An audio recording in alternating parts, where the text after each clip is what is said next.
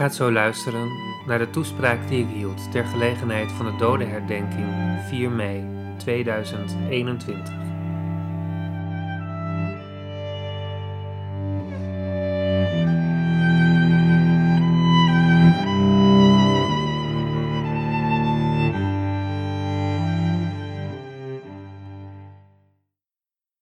Maandag 12 april 2021, het dagblad Trouw. Op pagina 3 van deze krant prijken drie koppen. Rechtsbovenaan Kamp Westerbork 76 jaar bevrijd. Daaronder Bij een evenement is er evenveel kans op besmetting als thuis. Links daarnaast Beleid IND doet denken aan toeslagenaffaire. Na 75 jaar vrijheid lijkt de verzetskrant van weleer het belang van gedenken niet krachtiger samen te kunnen vatten. Al was hier waarschijnlijk de speling van het lot van grotere invloed dan de visie van een enkele redacteur. Als het straks stil is, staan we stil bij de slachtoffers van oorlogsgeweld. Steeds minder mensen hebben herinneringen aan de Tweede Wereldoorlog. Slechts een kleine minderheid in Nederland heeft aan hun lijve ondervonden wat oorlog werkelijk is.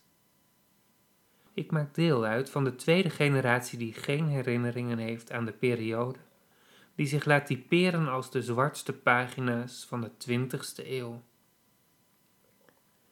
Onze opdracht is vandaag ook niet om de feiten van de geschiedenislessen te herhalen. Vandaag is niet de vraag of we ons de zaken juist en correct herinneren. Vandaag zijn we geroepen om te gedenken. Dat is iets anders dan feiten oplepelen en gebeurtenissen in de juiste volgorde op een tijdlijn presenteren. Gedenken is in gedachten brengen dat wat toen gebeurde ook vandaag kan gebeuren en soms zelfs onder onze ogen opnieuw gebeurt. Daarmee nemen we de last van het verleden op onze schouders. Het trauma van 4045 en de jaren die daarop volgden, vraagt nog altijd om zorg en aandacht. De menselijke neiging en reflex om de maatschappij te verdelen in klassen van goed en fout helpt daarbij niet. En datzelfde geldt voor klassificaties zoals dader en slachtoffer, held en lafaard. Die etiketten passen immers slechts de minderheid. De overgrote meerderheid past doorgaans geen van beide uitersten. De grootste groep is niet goed en niet fout. Geen dader en geen slachtoffer, geen held en geen lafaard. Voor mij betekent gedenken onder ogen zien dat het kwaad van toen kon gebeuren juist vanwege de zwijgende meerderheid. Het betekent ook de erkenning dat ook ik waarschijnlijk toen geen held en geen lafaard geweest was, geen dader en geen slachtoffer, niet goed en niet fout geweest zou zijn. Hoewel, door mijn homoseksuele huwelijk is dat natuurlijk wel te nuanceren. Juist daarom is het gegeven van vrijheid ook zo'n belangrijk thema voor me. Dan heb ik het niet alleen over de situatie binnen de kerk, maar ook daarbuiten. Want het vraagt om voortdurende oplettendheid, zorg en aandacht om ervoor te zorgen dat er geen slachtoffers meer zullen vallen. Die slachtoffers konden vallen omdat de meerderheid bleef zwijgen. Trouw van 12 april 2021 vat het voor mij mooi samen.